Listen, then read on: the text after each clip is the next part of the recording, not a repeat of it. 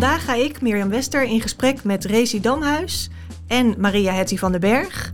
We gaan het hebben over het belang van interactie uh, in de nieuwe taal- en spellingsmethode PITS en in taaldenkgesprekken en de koppeling met de 21-eeuwse vaardigheden.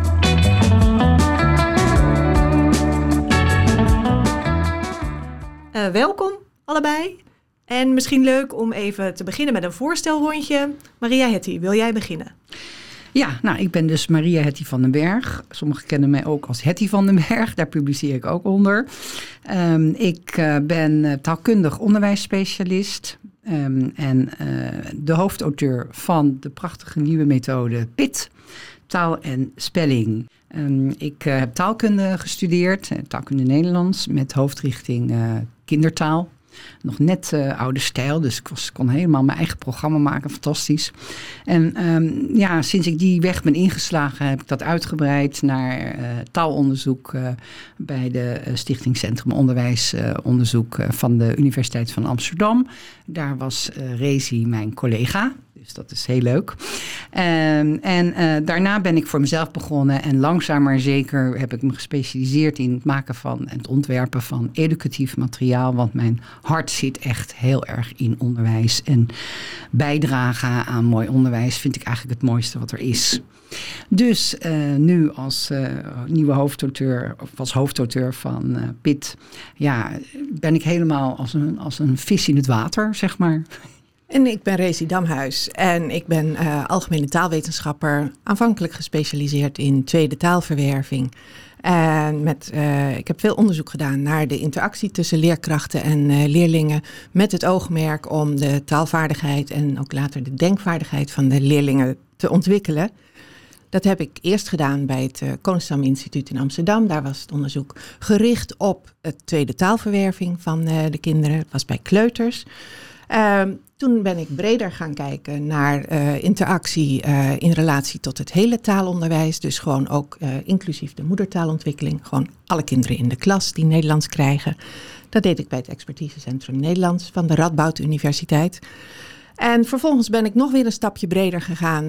heb ik een lectoraat gekregen bij de Marnix Academie in Utrecht. En daar deed ik onderzoek naar interactie in samenhang met zaakvakken. Dus vooral ook met het geschiedenisonderwijs. Dus van tweede taalverwerving naar moedertaal en weer door naar uh, combinatie samenhang met de zaakvakken. Ja, Goed. Mooi. Ja. Allebei veel uh, expertise op het gebied van taal. Dus dat is, uh, wordt een interessant gesprek volgens mij vandaag. Um, Maria Hetty, kan jij um, in grote lijnen even de belangrijkste punten van onze nieuwe taal- en spellingmethode PITS toelichten? Um, de kern van PIT is dat het het PIT-principe heeft. En het PIT-principe houdt in planmatig, interactief leren, gericht op transfer. En vandaag gaan we het vooral hebben over interactief leren. De kern daarvan is uh, betekenisvol, sociaal en strategisch leren. En dat is precies wat John Hattie heeft bewezen met zijn grootscheepse onderzoek. Dat dat werkt, dat is, dat is nou echt effectief. En wij hebben in PIT dit geconcretiseerd in het PIT-principe. Daarin, in dat interactief leren, is natuurlijk de leerkracht is heel bepalend. Die, uh, die rol is heel belangrijk. En um, die rol is heel sturend in de denk- en leerprocessen van de leerling. Want daarin moet het maximum leereffect worden bereikt. En die interactie is ook wat heel erg centraal staat in de taaldenkgesprekken. En Reze, jij bent expert op het gebied van taaldenkgesprekken. Uh, zou jij kunnen toelichten wat een taaldenkgesprek precies inhoudt? Uh, ja, dat, uh, dat kan ik zeker. Een taaldenkgesprek is een gesprek waarin kinderen worden uitgedaagd om actief mee te doen, mee te denken en mee te praten. Startpunt in een taaldenkgesprek is een krachtige kwestie. Een probleem waar niet maar één enkele correcte oplossing voor is, maar waarbij heel veel denkrichtingen mogelijk zijn. Um, leerlingen moeten de kans krijgen om daarbij hun eigen ideeën onder woorden te brengen. En um, met elkaar te reageren op de ideeën van de ander die ze horen en met elkaar zo de ideeën uit te bouwen. Mm -hmm. Als leerlingen dat doen, meedoen, meedenken, meepraten, mm. worden ze aldoende taalvaardiger en ook denkvaardiger. Ja. En dat is ook waarom wij in het Nederlands de term taaldenkgesprekken zijn gaan gebruiken. Mhm. Dat maakt zowel het product als het proces duidelijk. Het product namelijk taalvaardiger en denkvaardiger worden. En het proces de weg waarlangs, namelijk al pratende en al denkende. Dus daarom hebben wij het graag over taaldenkgesprekken. Dan is meteen de bedoeling duidelijk voor wie dat doet. Ja. Duidelijk. Ja, we hebben dus in, eh, in PIT hebben we ook de taaldenkgesprekken natuurlijk uh, verwezenlijkt op eh, in heel veel uh, materialen overigens. Misschien kan ik daar straks nog weer wat meer over vertellen. Maar daarnaast hebben wij de taalleergesprekken. Dat zegt natuurlijk ook precies wat jij zegt. Het zegt iets over het proces, maar ook over het doel. dat kinderen taal leren. Dat zijn trouwens wel gesprekken die meer leerkracht gestuurd zijn. Want daar zitten de interactievaardigheden, waar we het straks misschien ook nog wel over gaan krijgen, zijn meer uh, zeg maar leerkracht gestuurd. Hè, zit meer in, in, de feedback die op uh, de mondelinge taaluitingen worden, wordt uh, gegeven aan de. En door die feedback of door die interactievaardigheden in te zetten, wordt de mondelinge taalvaardigheid verbeterd. Dus het is eigenlijk wel hetzelfde doel, maar het zit meer gericht op de taal, hè, taal leren, taal verbeteren zou je kunnen zeggen, taal bevorderen dan, uh, ja, denken zit er natuurlijk ook in. Maar, maar toch meer op het taalgebied. Hè? Bij ons zijn de taalleergesprekken bijvoorbeeld, eh, zie je elke taaltaak, we hebben taaltaken, zie je bij elke taaltaak terug, bijvoorbeeld in het reflectiegesprek. Dus dan uh, reflecteert de leerkracht op hè, wat, wat hebben we nu geleerd, wat hebben we nou gedaan, wat hebben we ervan geleerd en, en, en, wat zou je de volgende keer beter doen. Dat is eigenlijk in grote lijnen waar het dan uh, om gaat. Uh, dat, is, dat is echt een duidelijk taalleergesprek bij ons, maar we hebben ook taaldenkgesprekken. In, daar gaan we dan straks misschien wat verder op in. Maar ik wou dit even zeggen over die taalleergesprekken. Ja. Dat, dat, uh, ja, omdat we verschillende soorten gesprekken hebben. We, daarnaast, als ik nog even door mag gaan, hebben we ook nog het samenwerkgesprek. Dat is weer een ander soort gesprek. Dat is echt om kinderen te leren samen te werken. Natuurlijk een heel belangrijke vaardigheid is, zeker voor het uh, voortgezet onderwijs, dat kinderen leren om uh, de rol op zich te nemen, een, een, rol of de rollen te verdelen, moet ik eigenlijk zeggen. Dus dat zijn eigenlijk wel de drie grote pijlers van ons qua interactie. Uh, je hebt het taalleergesprek, taaldenkgesprek en het samenwerkgesprek, zeg maar, of ja. samenwerkopdracht, waarin ze echt op de mondelinge taalvaardigheid uh, gericht worden gestuurd, zou je kunnen zeggen, met tips hoe je met elkaar praat, uh, dat je elkaar de beurt moet geven, dat soort gespreksvaardigheden. Maar daarnaast uh, heel duidelijk ook die rol- en taakverdeling zit daar dan in. Dus dat, ja, zijn, dat zijn verschillende dingen die, uh, die in PIT zijn verwezenlijkt. En, en één daarvan is dus de taaldenkgesprekken. En daar gaan we dan nu verder mm -hmm. op in. Ja, ja. ja. Um, Race, ik had nog wel inderdaad um, uh, met die taaldenkgesprekken. Uh, waarom uh, is dat zo belangrijk voor kinderen? ja, dat, dat heeft te maken met ehm, de natuurlijke taalverwerving. je kunt in het onderwijs van uh, twee soorten taalverwerving gebruik maken. Van de taalverwerving die plaatsvindt door expliciet taalonderwijs. En daar vallen dan denk ik die taalleergesprekken in, uh, zoals die in de PIT-methode zitten. Mm -hmm. ja. En uh, je kunt werken met de natuurlijke taalverwerving. En dan gebruik je de gesprekken, de natuurlijke loop van gesprekken, om kinderen zich verder te laten ontwikkelen in hun taalvaardigheid. Dat is ook zoals kinderen hun moedertaal leren thuis, gewoon in een natuurlijke communicatieve setting. Die communicatie, dat is zeg maar onze primaire menselijke behoefte. Vanuit de behoefte tot communicatie, die dus ook onze leerlingen hebben, vanuit die behoefte tot communicatie proberen ze duidelijk te maken aan de ander wat ze ergens van vinden. Mm-hmm. Daarvoor moeten ze dus uh, betekenissen overbrengen aan de ander. Nou, taal is bij uitstek mm-hmm. het middel om betekenissen over te brengen. En leerlingen proberen zo goed mogelijk de taal die ze beheersen in te zetten om hun ideeën over te dragen. Mm -hmm. ja. Nou, als uh, ze nog niet volledig taalvaardig zijn, en dat zijn geen van onze leerlingen, want ze hebben geen van allen nog de volwassen uh, taalvaardigheid in het Nederlands, uh, dan komt een leerling er in het gesprek achter dat hij iets nog niet weet. Hij moet proberen iets te formuleren. En dan gaat zijn wat wij noemen het taalleermechanisme in werking. Het leerling probeert zijn idee onder woorden te brengen.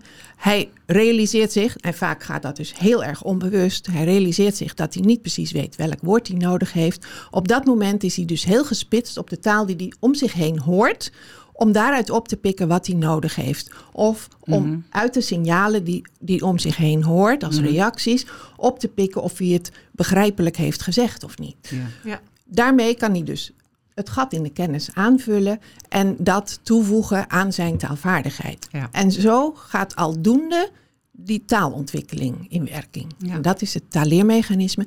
En om dat in werking te zetten, moet een leerling zelf actief uitgebreid praten. Want bij alleen maar luisteren is een leerling gericht op de betekenis en niet op de taalvormen. En die aandacht voor de taalvormen, hoe onbewust ook in een gesprek, ontstaat pas als hij zelf moet praten. Ja, als hij zelf moet nadenken zelf van moet ik wil dit vertellen. En, ja. Ja, ja. In het onderwijs zie je ook veel aandacht voor 21 eeuwse vaardigheden. En dat speelt ook een belangrijke rol in taaldenkgesprekken. Heb ik dat goed begrepen? Ja, dat, uh, dat klopt helemaal. Um, uh, de denkkant van taaldenkgesprekken heeft uh, alles te maken met uh, leren zelf na te denken over onderwerpen, over meningen, over situaties, over oplossingen voor problemen. Ehm, kinderen die in een taaldenkgesprek betrokken zijn, zijn dus met elkaar aan het nadenken en aan het redeneren. En uh, dat is precies wat je ook met 21ste eeuwse vaardigheden wilt. Je wilt niet alleen maar dat kinderen in de lagere orde denkvaardigheden zitten, dus in het uh, reproduceren van kennis en in het mhm. beschrijven van kennis. Je wilt dat kinderen ook naar de hogere orde denkvaardigheden gaan, zoals het analyseren, het evalueren en het creëren van nieuwe ideeën en inzichten. Mhm. Die hogere denkvaardigheden, denk aan de taxonomie van Bloem, uh, die hogere denkvaardigheden, die zitten heel sterk in die 21ste eeuwse vaardigheden zoals wij daar nu aandacht voor hebben. En dan gaat het om kritisch uh, denken, om uh, met elkaar uh, samen kunnen denken en samen kunnen werken. En om met elkaar tot gezamenlijke beslissingen te kunnen komen die onderbouwd zijn en die door meerdere mensen gedragen worden. Nou, dat is precies wat je ook in een taaldenkgesprek aan het doen bent in feite. Dus door taaldenkgesprekken te voeren, worden kinderen daar ook in meegenomen? En ben je ook bezig met die 21ste eeuwse vaardigheden bevorderen? Ja, zeker. Ja. En in PIT besteden wij uiteraard ook aandacht aan de 21 eeuwse vaardigheden. Alle 21 eeuwse vaardigheden, ik heb ze even opgeschreven, ik ga ze niet opnoemen, maar dus alle 21 eeuwse vaardigheden hebben een heel duidelijke plek uh, in PIT. Maar we gaan nu vooral even over dat intuïtief denken en redeneren hebben, zoals in die taaldenkgesprekken. dat kritisch en creatief denken en probleem oplossen. En dat, ja, dat, dat zit in de reguliere stof. Bijvoorbeeld de, de de, het beschouwen, het monitoren en de reflectie op taaltaken. Daar zit, daar zit natuurlijk ook een heel duidelijk hoger denkproces in. Want je moet afstand nemen van je taaltaak. En kijken wat heb ik nou eigenlijk precies gedaan. dat is ook een, een, hogere vaardigheid van denken, denk ik. En uh, het zit in de projecten. We hebben natuurlijk prachtige projecten die uh, op uh, onderzoekend en ontwerpend leren zijn gebaseerd, de didactiek. We starten daar, omdat het binnen onderzoekend en ontwerpend leren is, starten we daar met een verwonderingsvraag. verwonderen is de eerste stap. De tweede stap is verkennen, maar we beginnen met een verwonderingsvraag. En dat zijn vaak vragen die gewoon heel automatisch geschikt zijn uh, voor het begin als start voor een taaldenkgesprek. Uh, nou, een voorbeeld is, een paar voorbeelden heb ik ook even opgezocht of even paraat hier. Uh, is een plaatje bijvoorbeeld van uh, dino's in een stad, hè, grote beesten zo in een, in een stad. En dan is de vraag, wat zou er nou gebeuren als dino's opeens blijven te blijken te leven en ze komen hier naar jou toe? Wat gebeurt er dan? Wat zou je dan moeten doen? Dat is natuurlijk echt een probleem, want het zijn natuurlijk lieve dino's. Maar, maar dat is wel de start voor een verkennend onderzoek naar wat voor dino's heb je, dinosaurus heb, heb je gehad. Hè, de diepte in naar de werkelijkheid ook. Dus dat, dat vond ik, vind ik zelf wel een heel leuk, leuk begin. Dat, dat, dat zal kinderen zeker uh, uitdagen. Ja. Maar dat zijn ook uh, soms emotionele uh, emotioneel-sociale uh, onderwerpen, zoals wat maakt jou nou uniek? Iedereen is uniek, maar wat maakt jou nou uniek? Wat, wat, wat maakt jou zo bijzonder? Dat is natuurlijk ook dat je denkt, oh. En daarmee zit je aan die filosoferen kant, het ja, ja, Dat, dat klopt, maar dus over de projectschriften. Uh, nou, tenslotte gaan we even nog naar de twee andere prachtige producten. Dus uh, redeneren met Pit en filosoferen met uh, Pit. bij filosoferen met Pit, daarna kom ik even terug op redeneren met Pit. Filosoferen met Pit hebben we hele mooie startvragen, zoals wanneer geloof jij iemand? En waar zie je dat aan? Als je dit nou hoort, geloof je dat dan? Nou, of mag je altijd alles zeggen? Dat soort filosoferende startvragen. Of doen dieren wat ze zelf willen? En, op basis van die vragen gaan leerlingen dan twee lessen in gesprek met elkaar en, en, daarover. En aan de slag. Ja, inderdaad. waarbij dan die hogere orde denkvaardigheden precies. weer ingezet en, worden. Uh, bij, bij, ja. En bij eh, redeneren, mm, eh, daar zit je meer. Redeneren in PIT is meer natuurlijk gericht op dat denken, op, dat hogere, op die hogere denkvaardigheden. Ze maken dus een argumentenladder, dat komt regelmatig terug. Uh, ze maken een vragenmaker. Ze hebben een vragenmaker, waardoor ze open en gesloten vragen bedenken om bepaalde informatie te verkrijgen. ze maken dus eigen vragen om die vragen de antwoorden zelf te zoeken. En wat ik ook een hele leuke vind, bijvoorbeeld in uh, redeneren met Pit, is de zekerheidsmeter. Dat raakt ook weer aan de filosoferen, maar is een bewering, hoe zeker is dat waar? over betrouwbaarheid gaat dat van, van informatie. Ja, dat, uh, en, dat, en dan op grond van uh, andere informatie kun je dus, uh, kun je dus inschatten hoe zeker zo'n uiting is, zo'n stelling is. Dat is mooi. Ja. Zodat leerlingen ook echt leren om gebruik te maken van verschillende bronnen. En te leren wat is waar. En dat zit natuurlijk heel erg op die 21 eeuwse vaardigheden. Ja, precies. Ja. Exact. dat heeft daar heel erg mee te maken. En, uh, en dat is ook waarom uh, er zo'n uh, belang wordt gehecht tegenwoordig aan het interactief leren. Omdat in school krijgen leerlingen vaak nog één bron aangereikt. Hè. Het staat in het geschiedenisboekje, dus het is oké. Mhm. Maar de, de werkelijke wereld is natuurlijk uh, tegenwoordig zo dat we vanuit heel veel verschillende bronnen informatie krijgen. Ja. En dat uh, leerlingen zich daar een weg in moeten zien te banen en daar ook moeten leren uh, beoordelen of de ene bron sterker of betrouwbaarder is dan de ander. En zo kunnen ze met bronnen en met elkaar in discussie over waar nu de echte waarheid ligt of waar de meest waarschijnlijke waarheid ligt. Ja. ja. Ja. Daarom is interactief leren ook zo ontzettend belangrijk. Uh, kijk je ook bijvoorbeeld naar uh, curriculum, curriculum.nu, dan is wat het eerste wat genoemd is, en ik citeer, expliciet, expliciet aandacht voor kwalitatief goede interactie met om de taal- en denkontwikkeling te bevorderen. Ja. nou, dat sluit natuurlijk ook precies aan bij die taaldenkgesprekken, maar eigenlijk bij alles wat er in PIT zit. Omdat ja. PIT natuurlijk met dat, dat interactief leren echt als, als kern heeft uh, staan. En daar vanuit alles is ontwikkeld, gericht natuurlijk wel op, uh, nou, gericht op functionele taalvaardigheid. Daar gaat het allemaal om. Hè? En, zelf, en, en uh, met zelfregulatie als, als middel ook om dat goed in kaart te brengen. En formatieve assessment, assessment ja, staat ook heel hoog aan in het vaandel. Ja, ja en ik denk dat jullie daar met, uh, met PIT dus uh, behoorlijk uh, aan het koplopen zijn. Ja, we lopen daarmee hopelijk vooruit. En inderdaad op, op, op, op kop, dat zou dat is heel mooi, ja. Um, als je kijkt naar John Hattie, ik heb even een samenvatting meegenomen. Als je kijkt naar John Hattie, dan zegt John Hattie dat de volgende programma's het meest succesvol zijn. En dan wordt als tweede genoemd interactief leren van de vier. De vier punten. Hè. Versneld onderwijs, wat Piet dus ook heeft. Hè, het, mhm. het, compactroute. Uh, probleemgestuurd onderwijs. Nou, we hebben ontzettend veel problemen opgeworpen, zal ik maar zeggen, in Pit. Waarover gepraat, gediscussieerd. Uh, nagedacht kan worden. En tenslotte de zelfverwoording en zelfbevraging. Nou, dat hebben we heel mooi in de groeischriften verwerkt. Ja.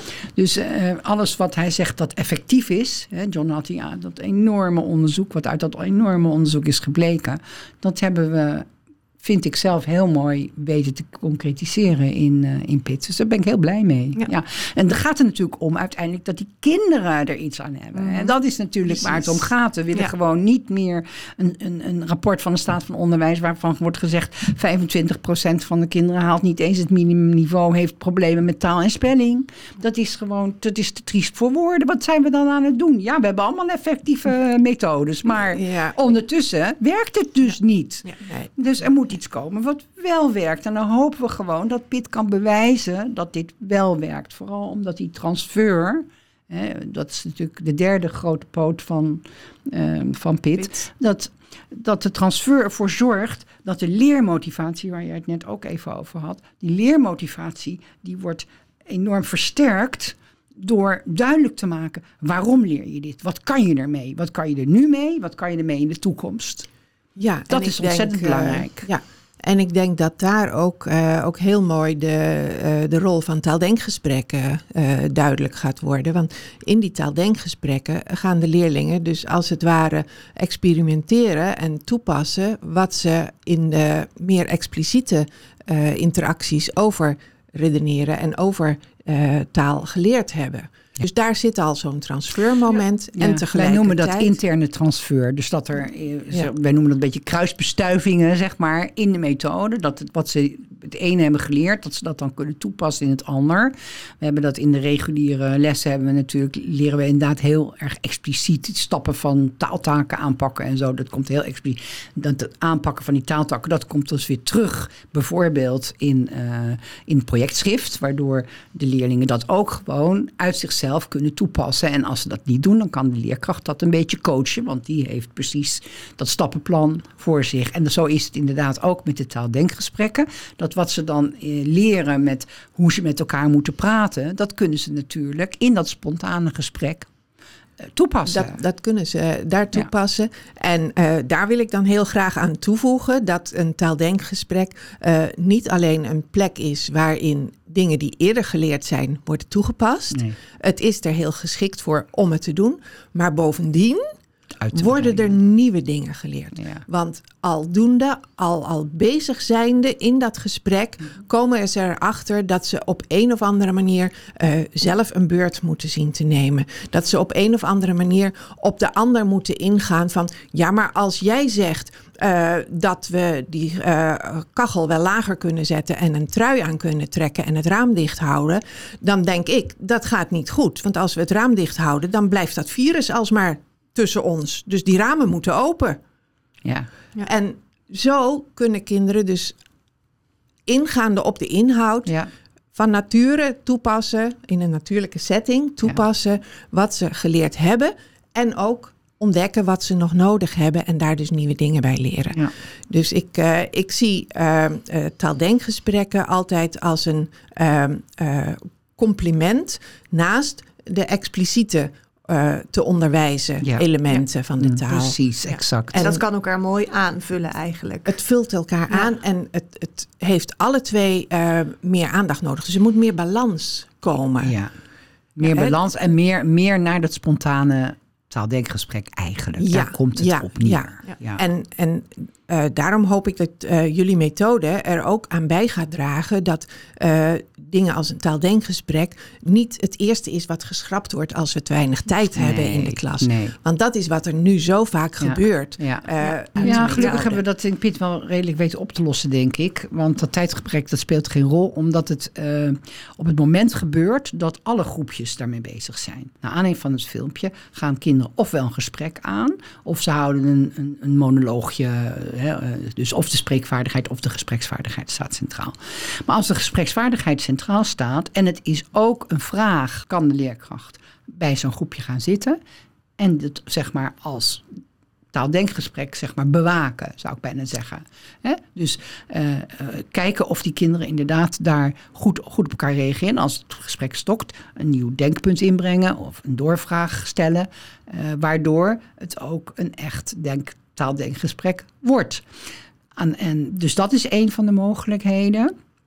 En de andere mogelijkheid is dat ze het ook als pre-teaching kan inzetten. Dus dat ze met een klein groepje vooraf ofwel vertelt wat er in het filmpje gebeurt, of het filmpje zelf laat zien. Aan een klein groepje. Dan moet je er wel extra tijd voor inzetten natuurlijk. Dat, dan kost het extra tijd. Maar aanvankelijk hoeft dat dus niet. Je kan gewoon aanschuiven bij zo'n uh, groepje om dat taaldenkgesprek met dat groepje te houden, terwijl de anderen uh, ja, zelf aan de gang gaan. Dat is het eigenlijk. En dat is met de verwonderingsvraag van de projecten bijvoorbeeld ook zo.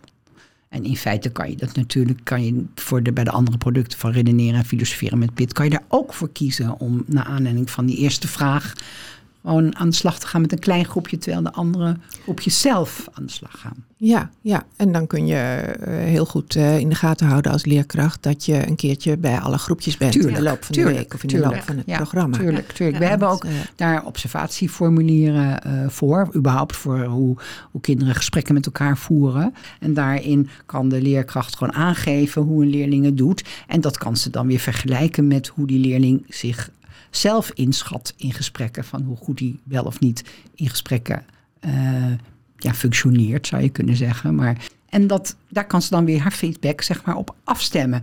En ik denk dat, uh, dat de rol van de leerkracht in die taaldenkgesprekken ook een hele belangrijke is. Zeker. Dat, uh, het is niet zo dat, dat uh, de leerkracht alleen maar uh, Observeert. zit nee, om nee, nee, uh, te observeren. nee, nee, nee. de leerlingen hebben er juist baat bij dat de leerkracht op een bepaalde manier ingrijpt in het gesprek.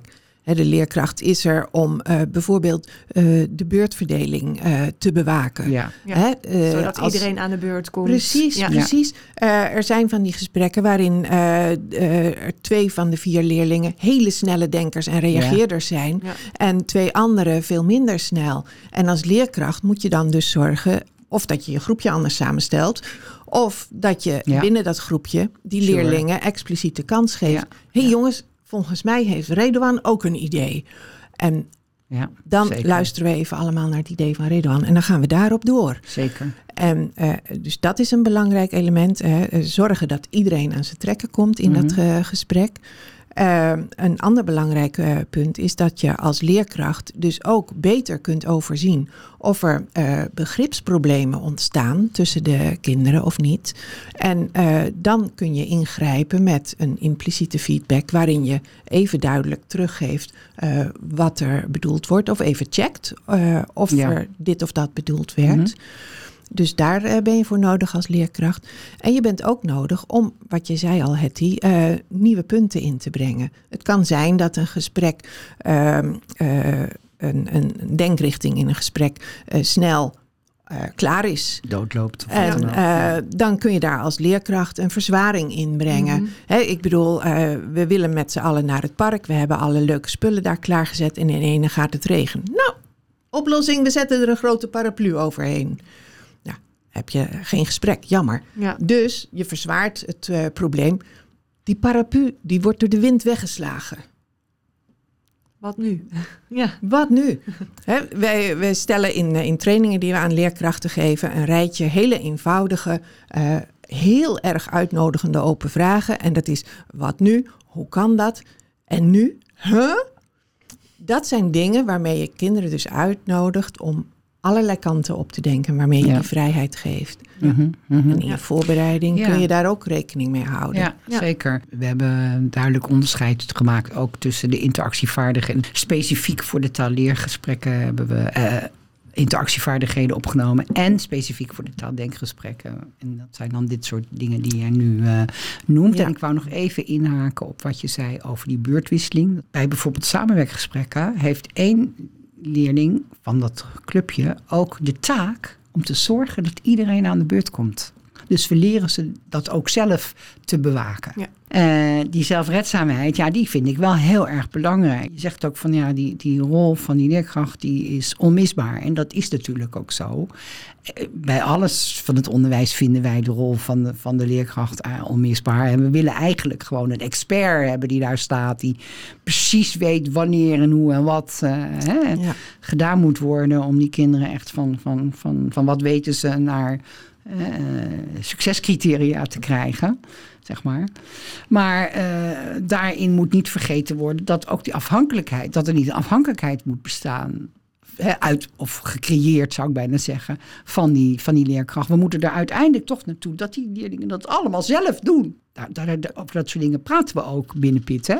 Want straks zit je in een vergadering en dan moet je ook dit en dat en dat kunnen. En, ja, en dan moet je, moet je ook met elkaar kunnen denken. want dan, dan heb je een, iemand die expert is op het ene gebied en een ander die expert is op het andere gebied. En, dan kan je van met elkaar moet je komen tot een plan van inrichting van het uh, nieuwe plein in het uh, stadje. Of, bijvoorbeeld. Of, uh, zoiets. Exact. En, en, ik denk dat die bewustwording van, hè, wat, wat ik al eerder zei, van wat, wat kan je ermee?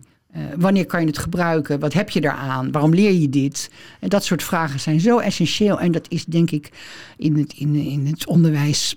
Nou, ik wil niet zeggen tot nu toe, maar in ieder geval in het traditionele onderwijs is dat volkomen naar mijn idee ondergesneeuwd geraakt of nooit, nooit aanwezig geweest. Kinderen moesten gewoon leren, punt. Ja. en, en, en, en nu zetten we dat gewoon in, heel duidelijk in de schijnwerpers die transfer. En ik denk dat dat heel belangrijk is. Ik heb heel vaak op school gedacht, waarom moet ik dat leren? Waarom? Ja. Ja.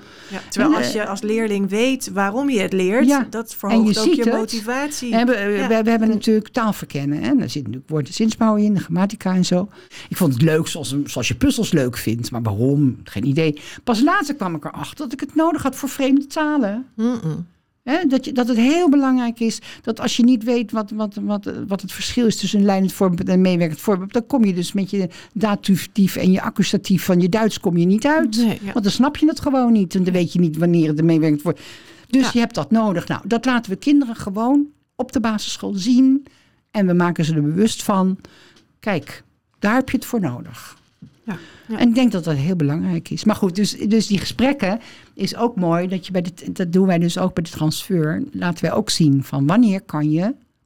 Taaldenkgesprekken, zo noemen we het dan niet. Maar wanneer kan je zo'n gesprek buiten Wanneer kan, kan je gebruiken wat je nu geleerd hebt? Ja, Hè, ja, Dat je, want je hebt nu geoefend om zo'n gesprek te voeren. En wanneer komt dat nou terug in je leven? Ja, ja, ja. Nou, ik denk dat dat heel belangrijk is. En, en dat, uh, dat bespreek je. Uh, dus dat is op, uh, op metaniveau, als het ware. En de mhm. kinderen ervaren het ook in de taaldenkgesprekken. Want daar zijn ze het aan het doen. Hoewel het daar dus niet de, de aandacht, de expliciete aandacht heeft, nee. is het daar wel waar ze het toepassen. Ja. ja. En op die manier kun je taaldenkgesprekken ook op enig moment gebruiken om terug te kijken met, uh, met de leerlingen van wat hebben we nu in dit gesprek gedaan eigenlijk? Ja. want we hebben met elkaar een heleboel oplossingen bedacht, maar hoe ging dat eigenlijk? Ja. En hebben we hier nu dingen toegepast die we in de lessen eerder geleerd hebben over uh, beurt te nemen of over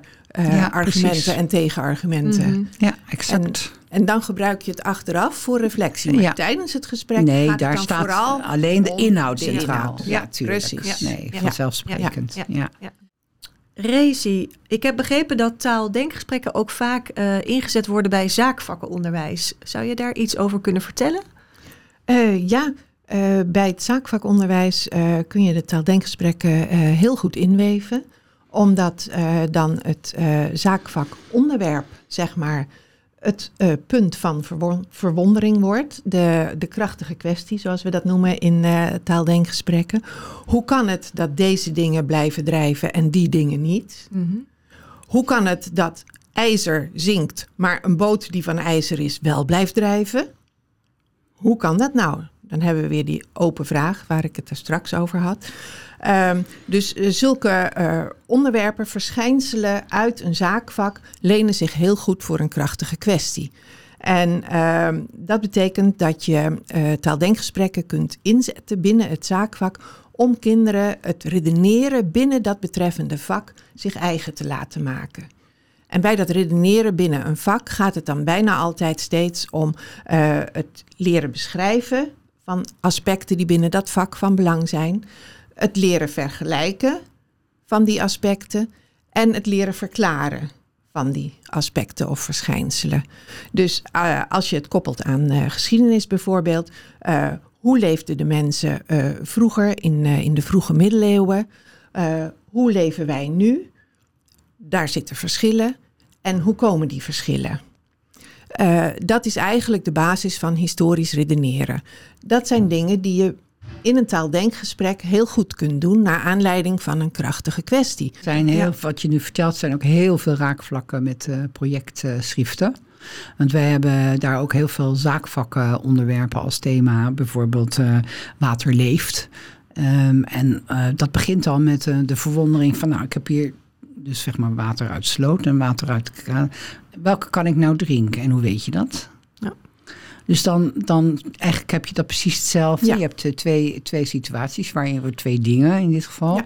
waarin je dus uh, oproept zeg maar tot, tot, tot uh, vergelijken, hè? tot beschrijven en vergelijken en ook verklaren. Nou, dus, en dan gaan ze naar aanleiding daarvan een onderzoek doen van wat leeft er eigenlijk in water. En wat kan je wel zien in het water, wat kan je niet zien in het water. Er zijn ook dingen ja. die leven in het water die je niet kunt zien. Dus dat is uh, voor biologie natuurlijk uh, een heel interessante ja. insteek.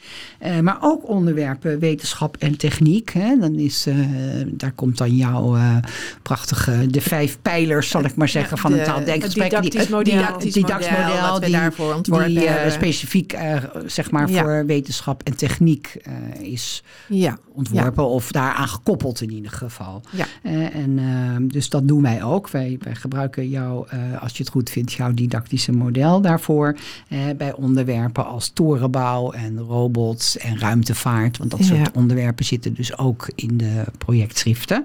Ten slotte wou ik nog even zeggen over ja, door dat onderzoek, omdat het natuurlijk onderzoekend en ontwerpend leren is, door dat onderzoek doen, wordt die woordenschat natuurlijk enorm verrijkt, uh, uitgebreid ja. met woorden die binnen dat thema uh, vallen. Ja. Dus bijvoorbeeld, uh, we hebben ook bijvoorbeeld het thema laaggeletterdheid of meertaligheid. Maar daar komen dan ook termen natuurlijk als functionele taalvaardigheid. is trouwens wel de bovenbouwer waar ik het nu over heb. Maar uh, functionele taalvaardigheid, dyslexie, woordblindheid, dat soort, of analfabetisme, dat soort woorden. Door het onderzoek komen ze al die termen natuurlijk tegen. We ja. gebruiken dan natuurlijk ook vaak woordwebben die dan gemaakt worden om zo'n thema, zeg maar, in, in woorden die met elkaar te maken hebben, om die met elkaar te verbinden.